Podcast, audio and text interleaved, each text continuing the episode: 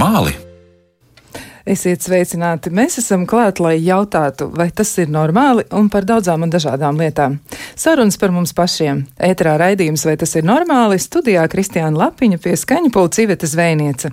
Šis ir raidījums par mums pašiem, par jautājumiem, kas reizēm ir ļoti nērti, un par jautājumiem, uz kuriem atbildot mēs iegūstam vairāk savai dzīvei.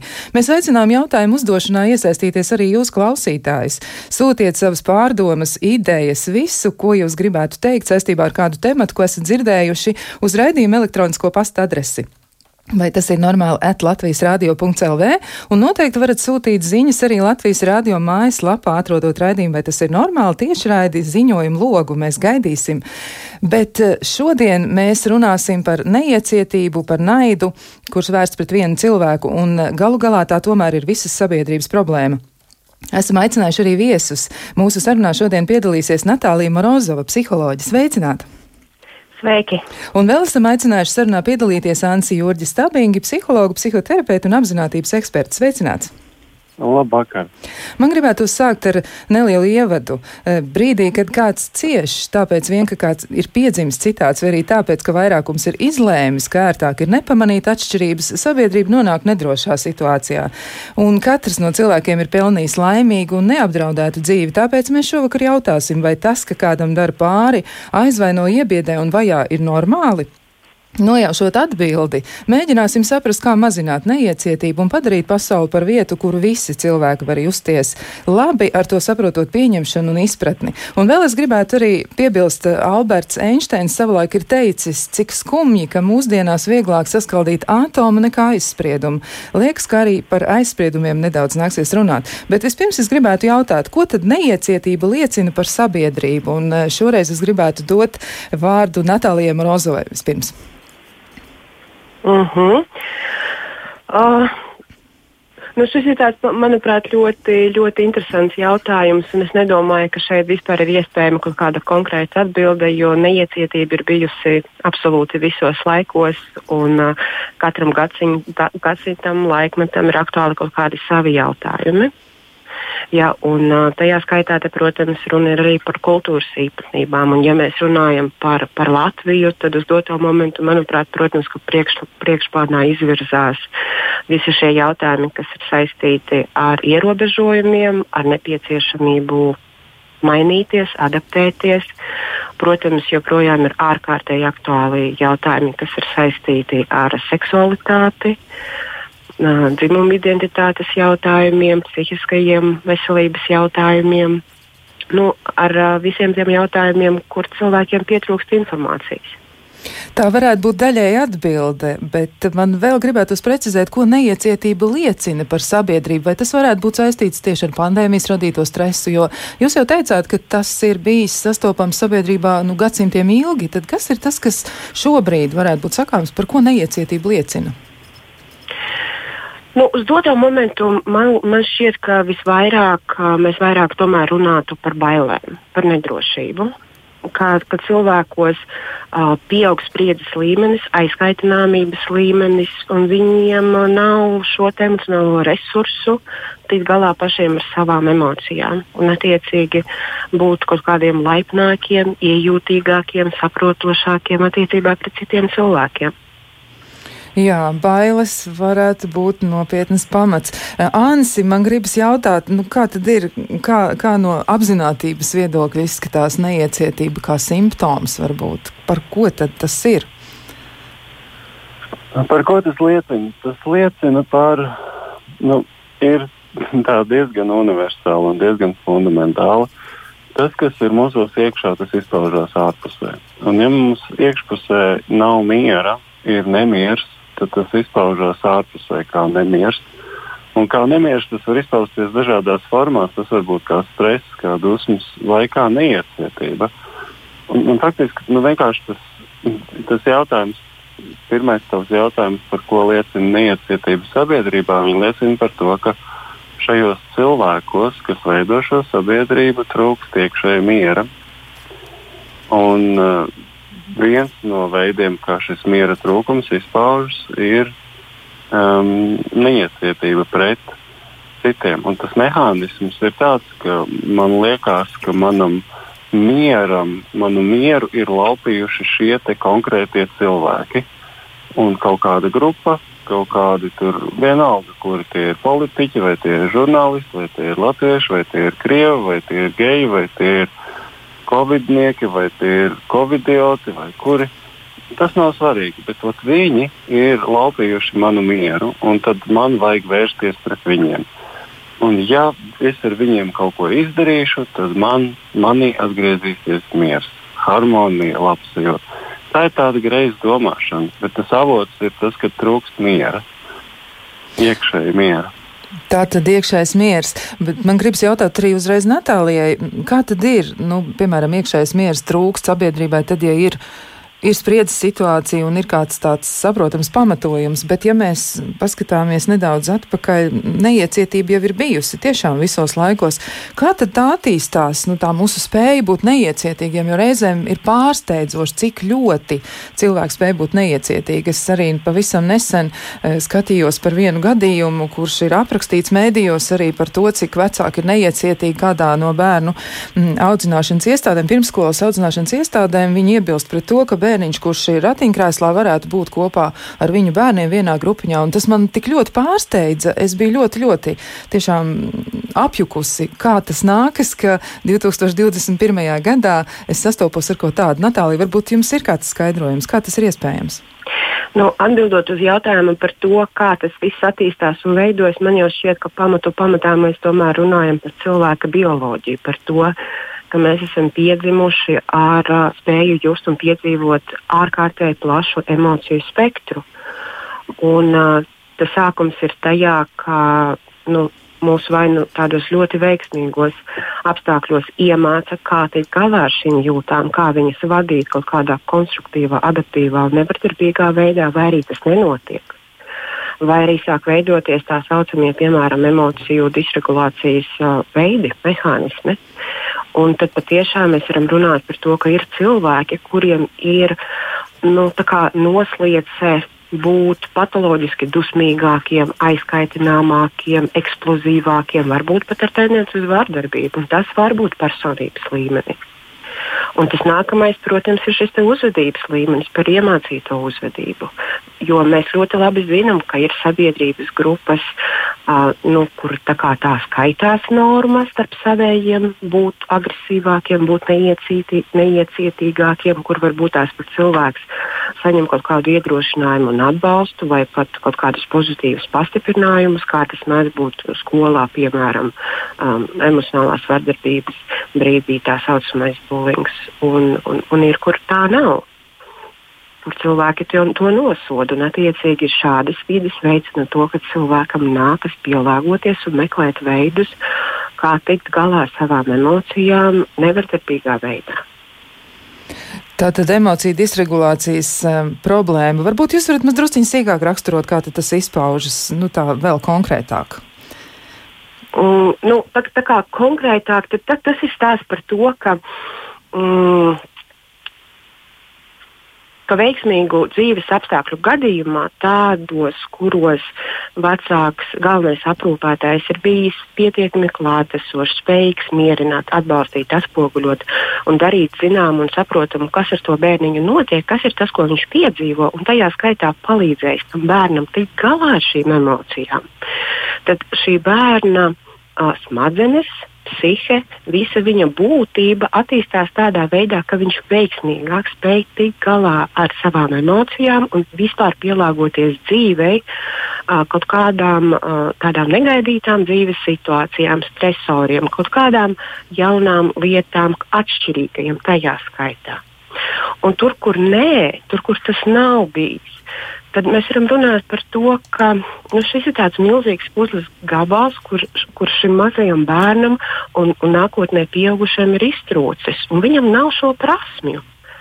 Viņa, viņa psihe nu, kaut kādā nu, ļoti, ļoti vienkārši runājot, ir palikusi nu, ne līdz galam attīstījusies kur pietrūks šīs spējas mm, analizēt informāciju, apstrādāt informāciju, kā izvēlēties, kā viņu vadīt. To sauc par emociju disregulāciju. Nu, tas ir kaut kas tāds, ko cilvēks kaut kādā mērā arī nemaz nav spējīgs vairs ar savu piepūli apzināti kontrolēt. Mm -hmm. Jā, nu tad atkal pāradresēšu jautājumu Ansim. Kā, kā tev izskatās? Vai, piemēram, tas, ka cilvēki tik ļoti asi vēršas pret kādu, kas no viņiem atšķiras, nu, kāda, kāda parametra dēļ, un liekas, ka reizēm tas ir nepamatoti. Tas tiešām ir, lai gan, nu, pat reizēm varbūt nav īstais vārds, ļoti bieži tas tā ir. Kā to varētu izskaidrot? Kāpēc cilvēku reakcija ir tik ļoti, tik ļoti aktīva, tāda, tāda tiešām liela mēroga, kas ir nepiemērota? piemērota tai situācijai. Kā tu to varētu izskaidrot? Nu, nekā, nu tas ir, ir, man liekas, viena no šī laika iezīmēm. Ja mēs tā paskatāmies, tas viens no, viens, viens no virsrakstā, viens no vārdiem, kur šodien sarunas pieteikumā virsrakstā lietoja, tas ir arī iecietība un iecietības, iecietība un iecietības trūkums. Un, un tas, kas ir, tas, ko mēs vērojam šobrīd sabiedrībā, ir tas, ka tas iecietības līmenis ir pazeminājies. Un tas, ko Natālija teica, tā mūsu katra cilvēka, katra individuālā atsevišķā indivīda spēja regulēt savas emocijas, viens no, viena no pirmajām izpausmēm ir iecietība. Mums katram šī spēja pa dienu, pa nedēļu, atkarībā no dažādiem faktoriem, staigā uz augšu, uz leju. Tad, kad mēs esam labi izgulējušies, labā gara stāvoklī, pēduši, atpūtušies, mums nav nekāda kreņķa, tad mums ir ļoti laba spēja tikt galā ar savām emocijām, un tas izpaužās, ka mēs esam iecietīgāki. Tajā brīdī, kad mēs esam noguruši, kad mēs esam bišķiņi stresaini, bišķiņi varbūt nepēduši, varbūt neizgulējušies, varbūt mazliet slimi, mazliet tur kaut kas, kaut kas no visa šī tā, nu, tāda ikdienišķais nogurums, ikdienišķā, ikdienišķais bats, ikdienišķais darbiņi, nekas ekstrēms. Tad pirmā lieta, kas parādās, ir iecietības trūkums, iecietība pamazinās, jo iecietība ir tāds uh, nu, mazliet uh, tuvāk pie smadzenēm, tuvāk pie fizioloģijas. Tā ir impulsu kontrole. Man notiek, tas izskatās tā, ka apkārt notiek kaut kas, kas man šķiet nepatīkams, un man ir impulss nu, uzbļaut, impulss tur apsaukt, impulss tur uzšaut, impulss norēģēt kaut cik agresīvi. Un, ja man impulsu kontrole ir kārtībā, tad es to impulsu varu apvaldīt un pateikt mierīgi, vai paklusēt, vai pajokot, vai kaut kā ja man ar impulsu kontroli ir, ir švakāk, tad tas impulss izlaužās uz āru. Un tas, kas man ir uz mēles, to es arī pasaku. Un tas, kas man nāk, un, un, un tas izskatās kā neiecietība.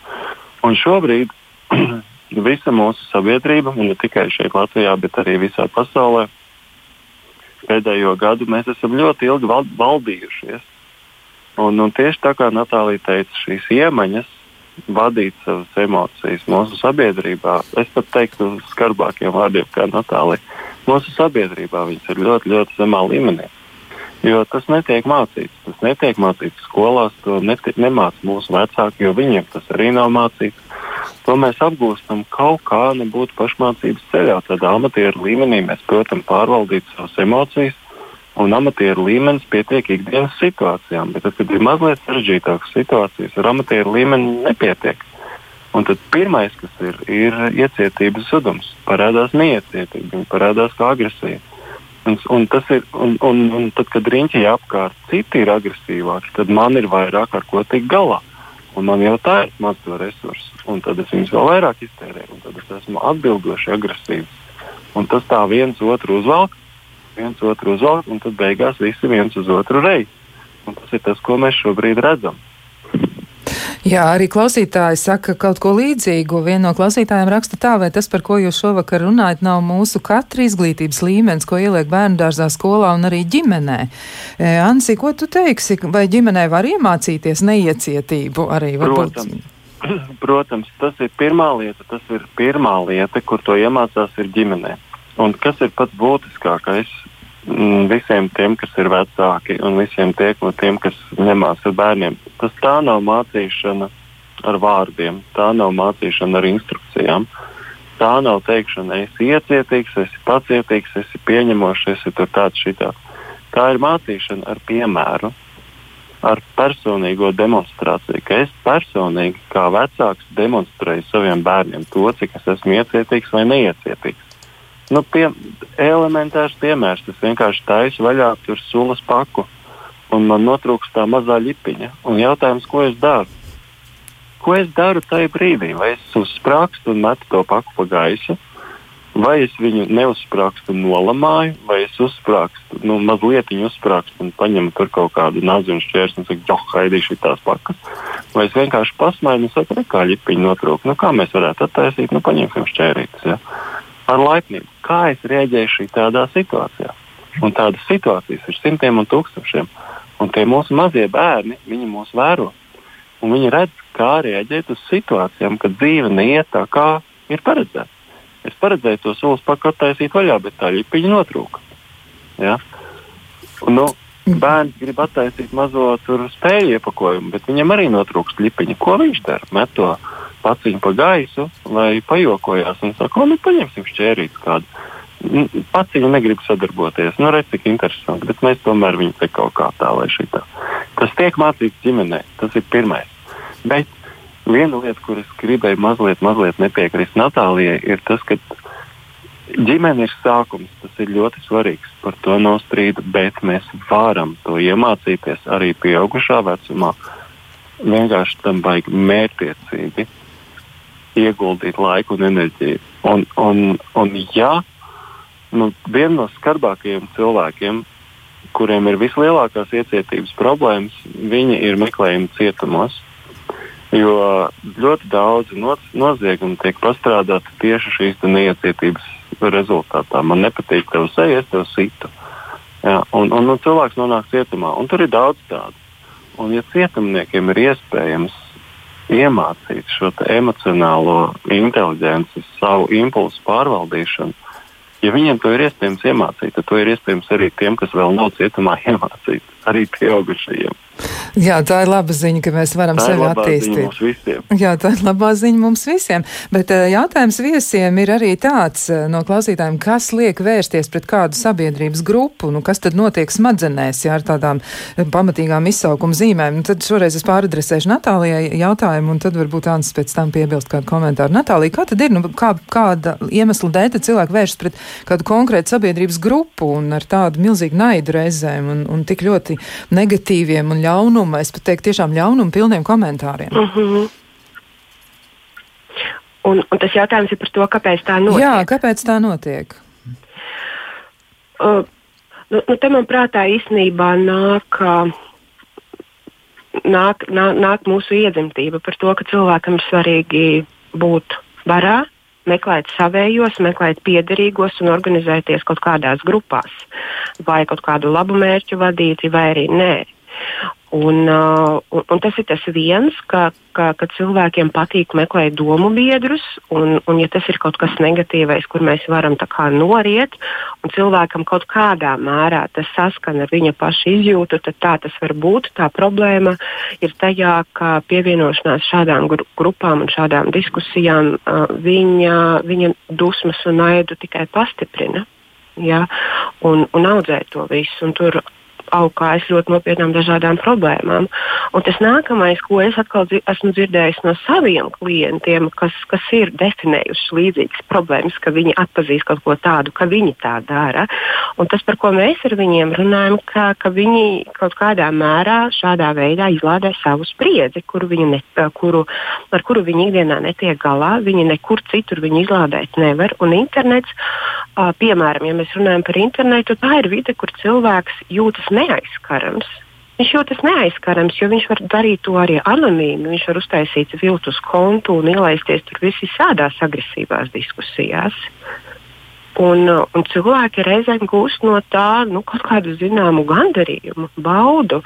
Un, un īpaši cilvēkiem, nu, kur, kuri piemēram jūtas vientuļi, arī tā ir komunikācija kaut kādā savā ziņā. Ja mēs runājam tieši par, par šiem negatīvajiem aspektiem. Uh, ja, tad šajā komunikācijā un, un šajā grupā savējo padarīšanas, tur ir ļoti daudz pozitīvu pastiprinājumu priekš šiem cilvēkiem, ko viņi tur iegūs priekš sevis. Jā, viens otru atbalsta tādā ziņā, tādā tiešām negatīvā veidā. Bet man uzreiz arī Natālija gribas jautāt, kādas ir sekas attiecībā uz tiem cilvēkiem, kuri piedzīvo diskrimināciju vai naidu, kas ir vērsts pret viņiem, vai arī e, naids, kas vērsts pret viņiem, vai, vai arī kādas e, tiešām negatīvas aizskarošas piezīmes, jo tās dzird arī pavisam mazi bērni, tās dzird pusauģi un jaunieši un arī pieauguši cilvēki un jūtas ļoti iebiedēti un arī, nu, klienti, es ticu arī, ka jūs praksē klienti noteikti stāst par to, kā tas ir, ka viņiem reizēm ir bail bail iziet no mājas, vai viņiem ir ļoti grūti uzsākt nu, attiecības? Jā, jā nu, nu sakas var būt īstenībā ārkārtēji traģiskas, sākot ar, nu, ar, ar, ar to, ka cilvēks ir traumēts, ka viņš dzīvo ar hronisku pēctraumatisko simptomātiku, ka viņam ir ārkārtēji zems uh, pašvērtējums, ka viņš meklē veidu, kā pašapliecināties. Tur cilvēkam var sākt attīstīties uh, kaut kādas vielu lietošanas problēmas. Uh, tur uh, cilvēkam attīstās virkne ar vis, visdažādākajām grūtībām, kas var būt. Ja var būt ēšanas traucējumi, tā var būt depresija.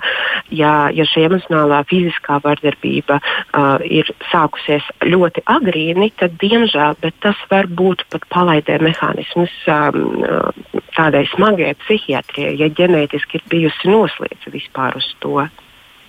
Izklausās, ka tam ir tiešām iespējami ļoti tādi, nu, tādi traģiski virzieni, tā var sacīt. Pavisam, pa, pavisam jā. noteikti, jā.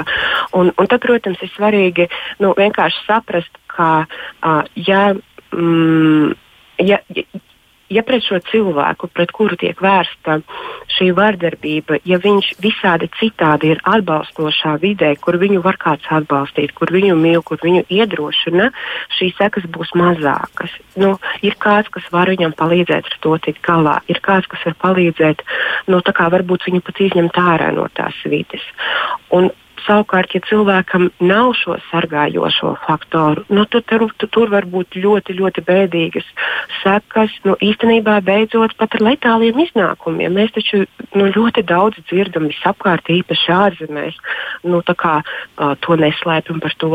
Diezgan atklāti arī runā par to, ka bērni, pusauģi, uh, minoritātes, viņi beidz dzīvi pašnāvībā. Tieši dēļ šīs vardarbības, ka viņi netiek galā ar šo spriedzi. Jā, tas arī ir kaut kas par mums pašiem, iespējams arī par eh, šo pašu bioloģisko nosacītību, jo, nu, tiešām gribētos tad jautāt, kā tas ir iespējams, ja cilvēkam uzbrūk, nu, kaut vai tāpēc vien, ka viņam ir vasaras raibumi, vai viņš ir albīns, vai, vai vēl kādu citu iemeslu dēļ, ko ir noteikti, nu, šīs atšķirības ir noteikusi daba, ja to viņš pats nav izvēlējies. Ansi, varbūt tev ir kas sakāms arī vēl pievienojoties komentāram, ko, ko, ko Natālija teica par sekām. Mm. Kā tev izklausās? Nu, Ar ko tad tas viss vēl var, var sabiedrībai izvērsties? Nu, tāda neiecietība. Viena vien lieta, vien lieta ir vien, nu, tas, ko Natālija teica, tam visam var, var pilnībā piekrist. Tas tiešām ir ļoti smagi. Bet uh, tas, tas, ko Natālija teica, tas ir attiecās uz to individu līmeni. Nu, tas ir tas cilvēks, pret kuru vēršās. Bet, bet ar to tās sekas nebeidzās. Uh, tas, tas eh, šādi notikumi ir traumējoši visai sabiedrībai. Un, jo pat, ja mēs tā padomājam, mazu solīti uz priekšu, piemēram, nu, sabiedrība vienojas, ka kaut kādi tur, kaut kāda grupiņa ir nepareizie. Un tad mēs tagad viņu, pret viņiem vērsīsimies visādos veidos un iedomāsimies, ka mēs būsim ļoti sekmīgi. Un mēs vērsīsimies pret šo grupu un mēs viņu likvidēsim. Jautājums, vai sabiedrībā iestāsies miers un harmonija? Un tā atbilde ir diemžēl nē. Pat ja mēs kā sabiedrība likvidēsim to nevēlamo grupu, tad mēs vienkārši atradīsim nākošo nevēlamo grupu. Un, un tie, kas pirms tam bija, tā kā, nu, nu, ja pirms tam tie bija, nezinu, tie, kas ar vasaras rebumiem, tad tagad tie būs rudie.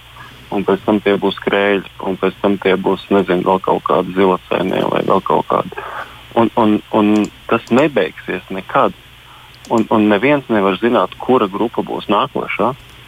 Un tā kā tas, tās sekas ir tālajošas, viņas ir, viņas ir viens, tas, ko Natālija teica, individu līmenī. Tas tiešām ir burtiski līdz tam, ka no nu, tie cilvēki, kuri piedzīvo šo, viņi var beigt dzīvi pašnāvībā vai, vai piedzīvot milzīgas ciešanas, fiziskas un emocionālas. Un, un kaut vai ja palas, kaut vai ja palas šos pašus latviešu geju stāstus, kas ir aizbraukuši dzīvot uz ārzemēm. Tīri tāpēc, ka vienkārši nu, nu, dēļ tās attieksmes, kāda viņiem ir šajā zemē.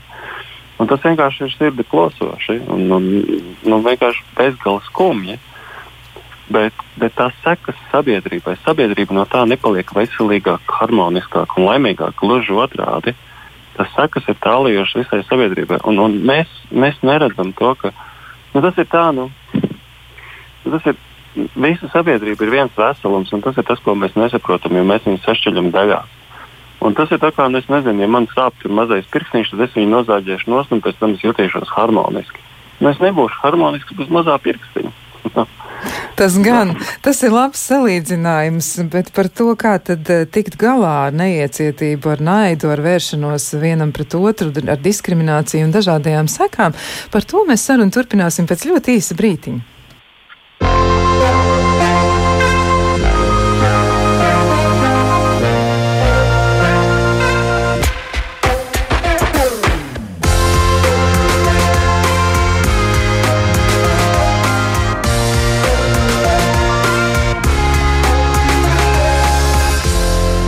Vai tas ir normāli? Jā, šodien mēs jautājam, vai tas ir normāli, ka kāds vēršas pret kādu un uh, kā tas viss var beigties un kā tas ietekmē sabiedrību, ja mūs visus kopumā. Un sarunā esam ieaicinājuši mm, piedalīties Natālija Morozova, psiholoģija un Anci Jurģis Stabiņa, kurš arī ir psihologs, psihoterapeits un apzinātības eksperts. Mēs arī vēl gribam noteikti no savas puses atgādināt dažas lietas, un es gribu teikt to, ka jūs noteikti varat sūtīt jūsu jautājumus ekspertiem un arī, arī par tēmatu kādu spriedumu vai viedokli, un noteikti to varat darīt iesūtot e-pastā vai tas ir normāli at Latvijas radio.lv varat izmantot arī ziņojumu logu Latvijas radio mājaslapā. Bet vēl man kāds atgādinājums. Es gribu jūs iedrošināt un aicināt pieteikties podkāstam, kuram ir tāds pats nosaukums, vai tas ir normāli. Un dažas no sērijām jūs jau varat noklausīties Latvijas sabiedrisko mēdīju mājaslapā. Bet um, kā to izdarīt, kā pieteikties un kas tas īsti ir, tātad tā ir saruna ar speciālistu, ar psihoterapeitu. Un uh, noteikti jūs varat izmantot šo iespēju gandrīz tāda, nu, gan, gan gandrīz kā sesija, jāsaka, ja, bet nu ne gluži ļoti, ļoti līdzīga, bet tā ir saruna uh, ar konkrētu speciālistu, ar kuru jūs varat parunāties par to, kas ir jūsu problēma, varat uzdot savu jautājumu, un šī saruna savukārt pēc tam var kalpot par ļoti labu atbalstu tiem cilvēkiem, kuriem ir nepieciešams pašiem padomāt par to tematu, ko jūs būsiet ierosinājuši. Tāpēc arī noteikti varat sūtīt savas problēmas pieteikumu vai ideju par to, par ko gribat runāt, uz e-pastu, vai tas ir normāli, at Latvijas radio.lv, un mēs ar jums sazināsimies. Bet tagad atgriežoties pie neiecietības un naida problēmas, um, mans jautājums sekojošais būs tāds, kā tad. Um, varētu attīstīt iecietības mehānismus, uh, kā to varētu izdarīt. Jo Natālija jau pieminēja, ka to varētu mēģināt darīt ģimenē. Un savukārt Ansim bija, man liekas, vērtīgi piebildi par to, ka mēs būdam arī pieauguši, varam to mācīties. Bet kā tad darīt, kā tad sākt pilnveidot sevi? Ko mēs varam iesākt. Varbūt šoreiz sāk Ansis un pēc tam savukārt turpina Natālija. Jā, nu tā, es gribu sākt ar labo ziņu, ka to ir iespējams un to ir vērts darīt. Un to ir iespējams jebkurā vecumā un ar jebkuru background, ar jebkuru fonu, ar jebkuru pieredzi. Pat ja es esmu bijis, nezinu, bandīts un kauslis, vienalga to ir iespējams. Kā es teicu iepriekš, cietumnieki to, kas cietumnieki, kur reāli ir, ir tur, nu, par noziegumiem cietumā sēž, ir pasaules pieredze, kad ar atbilstošām programmām viņi, viņi saprot sevi. Un, uh, un tagad tā mans pamatdarbības lauciņš ir apziņotība. Tad es gribu teikt, ka šie apziņotības treniņi ir viena no pamata metodēm. Un ko šī apziņotība dod, apziņotība, ko viņi attīsta, tas ir tā ir faktiski tā ir spēja pazīt sevi un spēja vadīt sevi. Pazīt sevi nozīmē pazīt savas domas, pazīt savas emocijas, pazīt savus impulsus. Vadīt nozīmē, ka nu, es, es varu izvēlēties, kurā brīdī es sekoju saviem impulsiem, kurā es nesekoju. Kad nevajag katrai domai ticēt, nevajag sekot katram impulsam, es nevajag sekot katrai emocijai.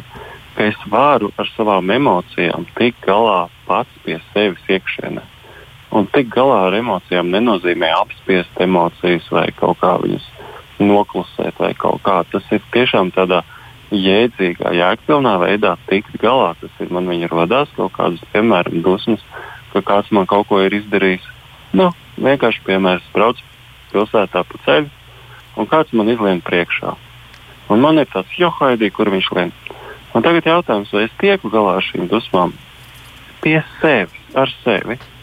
Vai es tur tagad viņam dzīšos un mēģināšu tur pielīst priekšā un vicināšu dūrus pa logu un mēģināšu uguns un kaut ko tādu, un pie nākošā sarkanā kāpšu laukā skaidroties. Tā, tas ir vienkārši jautājums tādā ikdienišķā situācijā. Un tikt galā ar savām emocijām nozīmē to, ka es pats ar sevi parunājos, un es atrodu citu veidu, kā skatīties uz šo situāciju. Un, un tas cits veids ir mierīgs veids. Un tas mierīgais veids ir tāds, ka es piebraucu nākošajā krustojumā blakus tai mašīnai.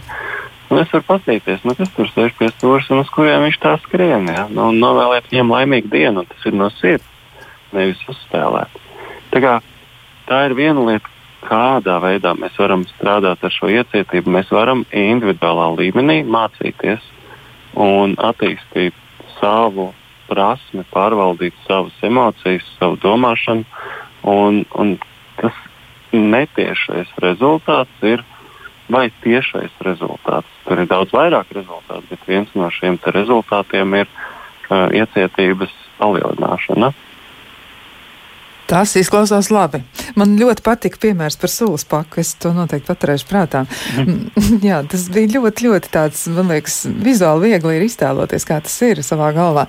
Bet, Natālija, ko jūs teiksiet par to, ko varētu darīt un kā tad trenēties būt iecietīgiem? Es pavisam noteikti piekrītu Ansim par to, ka mēs pavisam noteikti varam uh, attīstīt savu emocionālo intelektu. Mēs pavisam noteikti varam apgūt jaunu uzvedību. Ir skaidrs, ka tas var prasīt ārkārtēji daudz laika. Reizēm tas var prasīt darbu ar kaut kādām traumatiskajām pieredzēm, ka ar viņām ir jātiek galā.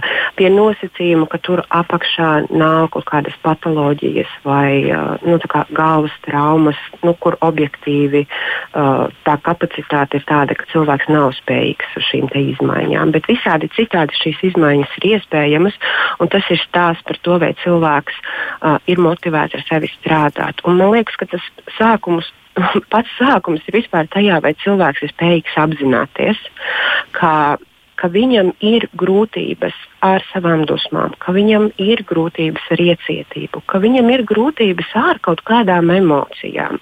Jo ar kaut kādām emocijām mums vienmēr ir vieglāk, un ar kaut kādām nē. Un tas vienmēr ir sākums, kad cilvēks vispār identificē problēmu, jo izējot jau no turienes, viņš var meklēt veidus, kā, kā mācīties, kā pilnveidot sevi, un reizēm viņš var meklēt palīgus. Un, un tā var būt apziņotība, tā var būt kognitīva behaviorālā terapija, tā var būt jau kāda cita terapija ja tās var būt jebkādas citas prakses, kuras cilvēks atrod kā, kā sev palīdzošas un noderīgas.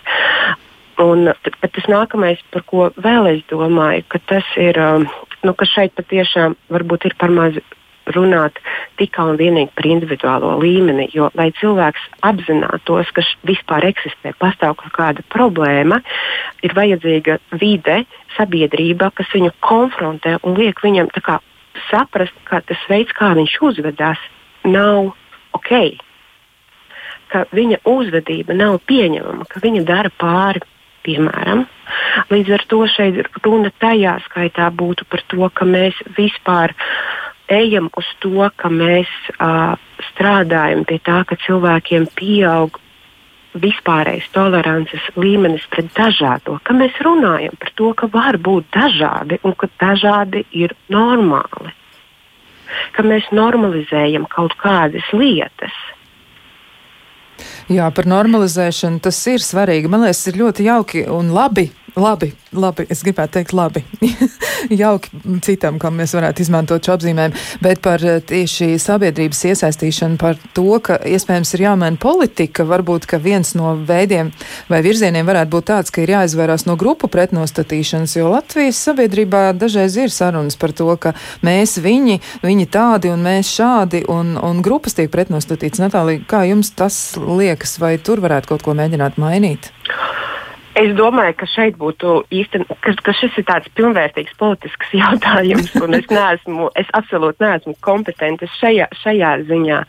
Uh, līdz ar to man ir, man, man ir tiešām grūti atbildēt uz šo jautājumu, kā to varētu realizēt uh, tādā sabiedrības līmenī, visas Latvijas līmenī. Bet, uh, nu, tas, ko es piemēram no savas puses mēģinu darīt, un tas, ko manuprāt lielākā daļa palīdzošo profesiju pārstāvju, es domāju, ka Kansis tajā skaitā šo, nu, šo to praktizē, ka, ka, ka mēs kā palīdzošās profesijas pārstāvji cenšamies sabiedrību informēt par kaut kādiem jautājumiem. Mēs, mēs rakstam rakstus, mēs piedalāmies intervijās, uh, mēs, mēs cenšamies runāt par šiem jautājumiem un informēt cilvēkus par to, ka var būt dažādi, ka ir normāli piemēram just emocijas. Jūs zināt, tas ir pārsteidzoši, ka cilvēki ir šokā par to, ka izrādās viņi drīkst dusmoties. Vienkārši tad, kad viņi dusmojās, viņiem ir jāievēro nosacījumi, noteikumi. Viņi nedrīkst darīt pāri sev, citiem un laust mantas. Viss. Tas arī jā, ir jāiemācās. Jā.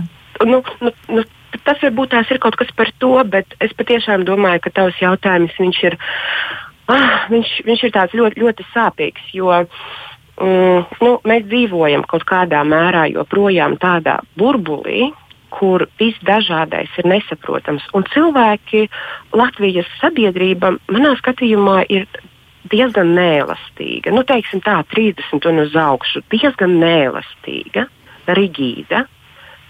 Tas varbūt saistīts ar iepriekšējo pieredzi vai arī tādām audzināšanas lietām, ko paši domā, cilvēki ir piedzīvojuši. Es, es domāju, ka, ka jā, nu, ka, ka, protams, ka, protams, laiki mainās un pavisam noteikti var novērot pozitīvu dinamiku. Jaunieši šobrīd viņi, viņi ir satriecoši, viņi, viņi ir ļoti atvērti jaunajam. Un īstenībā viņos mēs redzam daudz mazāk tendences ties, tieši uz šiem te uh, rasu vai seksualitātes uh, naidību. Nu, nu, uz, nu, ka, viņi, ka viņi par šīm lietām kaut kā šausmīgi satrauktos.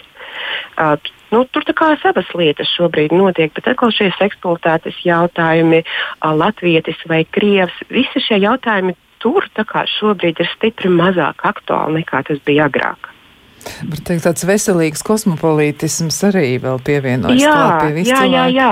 Un, un, un droši vien, ka tā ir tā daļējā atbildes tavu jautājumu par to, ka nu, tas ir par sabiedrību, par to, ka varbūt tās ir jāmeklē veidi, kā no tā burbuļu kāpt lēnā garā ārā, un lai mēs kā sabiedrība kopumā justos drošāk uh, dažādajā Drošāk dažādajā. Tas gandrīz vai kā tāds moto izklausās. ļoti, jā, bet ļoti laba tā varētu būt virzība sabiedrībai kopumā. E, arī Ansim es gribu jautāt, e, nu līdzīgi, kā tad, e, Ansi, tu saskati to, kā varētu virzīties tālāk, vai varbūt tiešām tas pretnostatījums, kas ir vērojams par sabiedrības viedokļiem runājot, e, nu, ka to varētu mazināt vairāk, kā Natālija teica, izglītojot cilvēkus vai arī varbūt ieviešot to pieredzes apmaiņu starp vienu paudzu un otru. Jā, tas var notikt. Un, un uh, es redzu, ka tas arī notiek. Nu, es redzu, ka mēs kļūstam iecietīgāki nu, kā sabiedrība, ka tas progress ir. Un tai pašā laikā ir regress arī vērojams. Un, un, uh, tas pie mums tas nav tik izteikti, bet, uh, bet ja mēs paskatāmies uz Ameriku un uz Trumpu, uz to, ka tomēr viņš vinnēja vēlēšanas un viņš četrus gadus bija prezidents, un viņš bija ļoti demonstratīvi šķeļošs. Viņš bija vienkārši mūsējie pret nepareizajiem. Ja? Mēs esam labie, tie otri ir sliktie, un tie otri pēc vajadzības tur mainījās. Vai tie bija ķīnieši, vai tie bija demokrāti, vai tie bija meksikāņi, vai nu jebkuri tie citi. Un, un, un tas, ka viņš dabūja to 50% amerikāņu atbalstu, un tik ilgi viņš dabūja visus četrus gadus, ka pusi no tautas atbalsta šī tādu te, kurš vienkārši atklātā tekstā saka, mēs esam pareizi un tie otrie ir nepareizi, un 50% iedzīvotāji atbalsta. Es domāju, Latvija nav nobriedusi demokrātiju par, par, eh, par šitiem amerikāņiem. Un mums ir tādi brīnumi, kā gobzems, piemēram, vai, vai vēl kaut kādi. Nu, Mums, Jā, bet, zini, ka, bet, bet zin, varbūt neminam konkrēts piemērs, bet, bet pamēģini raksturot kopējo to situāciju, kā ir Latvijā, kā tev liekas. Nē, Lat Latvijā tik, tik, tik klāji, nu, tas, tas nabaga aldis, nu, viņš, viņš nevelk vēl tādā līmenī, bet viņš gribētu, bet viņam nav tā jauda kā Trumpam. Un, un, uh, un, un tāpēc viņš nevar tās masas pacelt. Jā. Bet, bet paskatoties uz to, cik dažiem šitādiem radikāļiem ir sekotāji, nu, ka viņi tiek atbalstīti. Un, un ir tas, tas, tas humoristiski bēdīgi patiesais teiciens, ka katrai tautai ir tāda valdība, kādu viņa ir pelnījusi. Jā, bet... Tas ir tas mūsu brieduma līmenis. Mm -hmm. mūsu kā, jo, jo, jo tā, ja sakarīgi politiķi iziet priekšplānā, un viņi sāk konkurēt ar vienkāršiem šķēlējiem, kas pasaka, Latviju latviešiem, Un tad otrs pasakā, ka kur mums vajag Krievu aizstāvēt, jo Krieviem tagad Latvija grib atņemt tie, kas ir Latvija latviešiem. Un, un viss, un šķelšana ir uz sejas. Bet, zini, kā man ir aicinājums atgriezties tomēr atpakaļ pie tās nu, psiholoģiskās puses, jo tas, ko tu mēģini ilustrēt par to, ka sabiedrību varētu šķelt kāds līderis, kuram ir piedāvājums, varbūt ļoti, ļoti. Nu, jā, jā, tas ir ļoti vienkārši un acīm redzot sabiedrības, kuras reaģē uz ko tādu arī, nu, nodemonstrē to savu attieksmi vai gatavību, nu, kaut kam tādam. Bet man gribētos tomēr saprast, kā mēs varam uh, izvairīties no kā tāda un, uh, nu, vai tad tiešām tas ir tāds cikliskais process, tad tomēr droši vien, ka ir kādi ceļi, kas palīdzētu mazināt vēršanos pret nu, grupām. Tas, nu? tas vienīgais līmenis, vien, nu, kā nu, mēs sabiedrība sastāv no individiem. Un individā iekšā ir gan, gan tas, nu, tas nosacīti skaistais un viedais un dievišķais, gan tas uh, zemiskais un dzīvnieciskais un primitīvais un prastais. Mums ir abi divi gali, un mums ir tendence uz abiem diviem. Un reizēm ir ļoti grūti turēties tajā intelektuāli vie, ko, pieņemošajā un attīstītajā un tajā viedajā virzienā. Un vienkāršāk ir atkrist mūsējie un svešie. Un man būs labāk tad, ja viņiem būs sliktāk. Tas ir daudz vienkāršāk un tas vilinājums ir milzīgs. Un, un ja ir kāds no apkārtnes, kas to atbalsta masu medijos vai vēl jau vairāk no saimnes tribīnas, ja, nu tad, uh, Nu, tad, nu, tad liekas, nu kā, ja jau no saimnes par to runā, tad kāpēc es to nedarītu?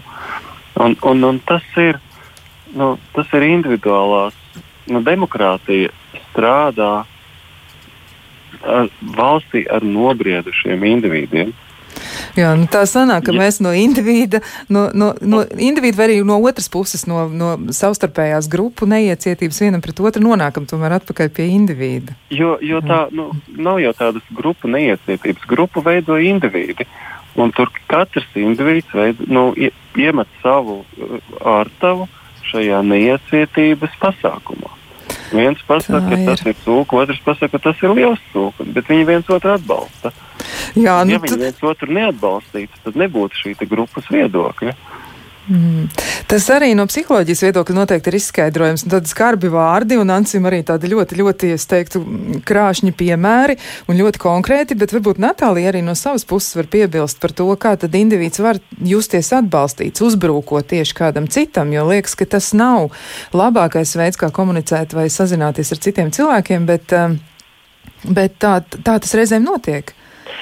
Tā tas reizēm notiek. Un, ļoti interesanti, ka Ansis šodien runāja par ieslodzītajiem. Es esmu strādājis Rīgas centrālajā cietumā kā reizi ar um, smagi, uh, cilvēkiem, kuri ir veikuši smagus noziegumus, tajā skaitā arī slepkavības. Un, um, Un tas, ko es nu, novēroju, un īstenībā tas ir arī tas, ko pētījumi rāda, ka, ka principā uh, Vairumā gadījumu, tad, kad cilvēks pauž šādu klaju agresiju un viņš ir vārdarbīgs, tomēr runa ir par to, ka nu, tas ir stāsts par viņa bezpalīdzību, par viņa vājumu, ka īstenībā cilvēks netiek galā pats ar sevi.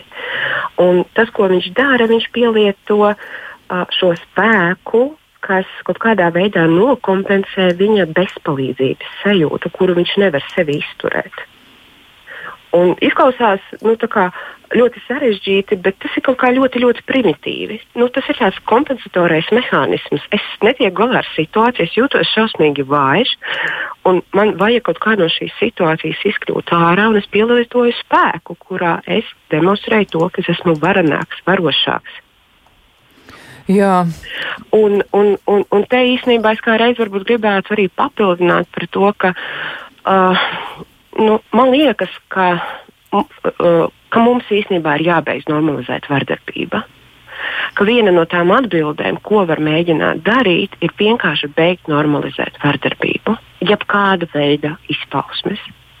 Jo tas ir tas, kas nāk līdzi joprojām par to, ka vardarbība ģimenē ir noslēpums, uh, seksuālā vardarbība, par to mēs nerunājam, emocionālā vardarbība ir fufelis un saņemies lupata. Tā tas nestrādā. Mēs sākumā runājām par sekām, un sekas ir ārkārtēji nopietnas un smagas. Un visi, simt procenti no tiem cilvēkiem, kas sēž cietumā, ir cietuši no vardarbības. Vardarbība, uzturvardarbība. Tās ir, vienas, tās ir vienas no sekām, un, un, un tas ir kaut kas, par ko mums kā sabiedrībai ir jādomā. Nu, kā, kas, ir tas, kas ir tā vide, kuru mēs apkārt sev radām? Jā, mums klausītāji Undīna raksta, labvakar, bieži vien skolās bērni ir spiesti būt neiecietīgi pret atstumtajiem klases biedriem bez vecāku ziņas, jo viņi paši nevēlas būt atstumti. Savā ziņā viņi vēlas izdzīvot un iederēties. Labi cilvēki ir spiesti būt ļauni, un tas nav saistīts tikai ar bērniem. Cilvēks var apzināties sevi, būt iecietīgs, laipns un pieņemt cilvēku, kurš ir atšķirīgs, bet ja šis cilvēks sabiedrībā ir minoritāte, tad ir risks, ka labā uzvedība mainīsies uz slikto pusi. Tāpēc jābūt stipram pret opozīciju, lai dzīve kļūtu labāka labāk, un cerams, ka jaunā paudze ieviesīs iecietīgāku sabiedrību. Nu, Undīnai tiešām jācer, ka, ka Undīnas vārdi piepildīsies. Iespējams, ka viņa pati arī pārstāv, pārstāv jauno, jauno paudzi, jauno mm. sabiedrību, kura spēja daudz, daudz iecietīgāk raudzīties uz dažādām lietām. Nu, sarunai pamazām virzoties uz noslēgumu, varbūt jūs abi varētu dot kādus tādus, nu, negluži varbūt padomus, bet tādu nu, iezīmē tādu nākotnes vīziju, kā tad eh, Latvijas sabiedrība varētu tomēr kļūt iecietīgāk un kā mēs varētu izvairīties no situācijām, kad kādam tiek nodarīts pāri vai arī, ka iestājas tādas tiešām traģiskas sekas. Natālija, sāksim ar Natāliju. Jā, nu, es nobeigumā noteikti gribētu teikt, ka vardarbība nav norma. Neiecietība nav norma. Būt nejaukam nav norma. Un tas nav noslēpums, par to nav jāklusē. Un mums nav jākaunas par to, ka mums dara pāri. Mums ir tiesības meklēt palīdzību, mums ir tiesības justies droši, mums ir tiesības būt pieņemtiem, mīlētiem, atbalstītiem. Un arī tas otrs cilvēks ir pelnījis to pašu. Jā, paldies. Un Ansi, ko tu teiksi? Mm -hmm. Mēs izmantojam to, ka šodien ir mātes diena.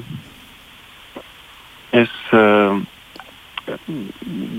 šodien uh, Facebookā ierakstīju tādu mazu rakstiņu un, un aicinu cilvēkus, kas lieto Facebook, varētu atrast, bet es īsos vārdos varu pateikt, mēs par māti runājot, mēs varam skatīties divos veidos. Viens tas ir mana fiziskā māte, reāls cilvēks, bet otrs mēs varam skatīties uz mātes ideju un uz mātes principu. Un kas ir mātes ideja un mātes princips, mātes arhitekts, mātes konc nu, koncepts, bet mātes enerģija? Tā ir, tā ir totāla iecietība, tā ir totāla pieņemšana, tā ir totāla mīlestība. Tas ir, lai kas notiktu, es pieņemu savu bērnu, lai ko viņš izdarītu, lai kāds viņš būtu. Un tā ir mūsu, mūsu sabiedrība, ir ļoti, ļoti nu, vīrišķīga un vīrišķīga šī vārda sliktā nozīmē, jo te ir daudz karu un daudz kaušanos un daudz, daudz konkurences. Un nav tādas rūpju un atbalsta un maiguma un mīlestības. Tas ir daudz vīrišķās, daudz tādas negatīvas vīrišķās enerģijas un par maz pozitīvas mātišķās enerģijas. Tas ir rūpes vienam par otru, iecietība, pieņemšana, atbalsts no šī vārda plašākajā nozīmē. Un mēs katrs šodien mātes dienā, mēs katrs, un tas, ir, tas attiecās uz visiem. Tas ne tikai uz sievietēm, un ne tikai uz dzemdējušām sievietēm, bet uz visiem, uz vīriešiem, uz visiem. Mēs varam attīstīt šo mātes enerģiju sevi un skatīties uz pasauli ar rūpēm, ar mīlestību, ar pieņemšanu. Un, ja mēs tā darīsim, pat ja es esmu neiecietīgs cilvēks, skatos ar iecietību, tad es vairoju iecietību pasaulē. Tas ir tā, kā mēs varam darīt. Tas Jā, tā mēs varam darīt. Ļoti iederīgi vārdi, ļoti iederīgs tāds nu, vēlējums mums visiem kļūt iecietīgākiem vienam pret otru, un arī pasauli droši vien tad mainīsies. Paldies! Paldies Natālijai Morozovai, psiholoģijai un Ancim Jurģim Stabingam, psihologam, psihoterapeitam un apzinātības ekspertam. Un jā, šīs dienas atbilde ir, ka normāli ir būt iecietīgam, bet nenormāli ir atbalstīt vardarbību vai turpināt to vai to uzturēt. Un normāli savukārt savukārt ir meklēt palīdzību un vērsties pret naidu un arī pret pāridarījumiem, ko noteikti mēs arī novēlam un gribam iedrošināt tos, kam nākas ciest, meklējiet palīdzību un cerams, ka jūs to arī saņemsiet, jo ir daudz cilvēki, kas par to rūpējas. Bet mēs tiksimies pēc nedēļas, un tad mēs runāsim par šizofrēniju, jeb slimību, ar kuru sadzīvot ir jāspēj ne tikai pašam pacientam, bet arī ģimenei un draugiem, un tas ir iespējams. Lai jums jauks vakars! Visu labu! Paldies.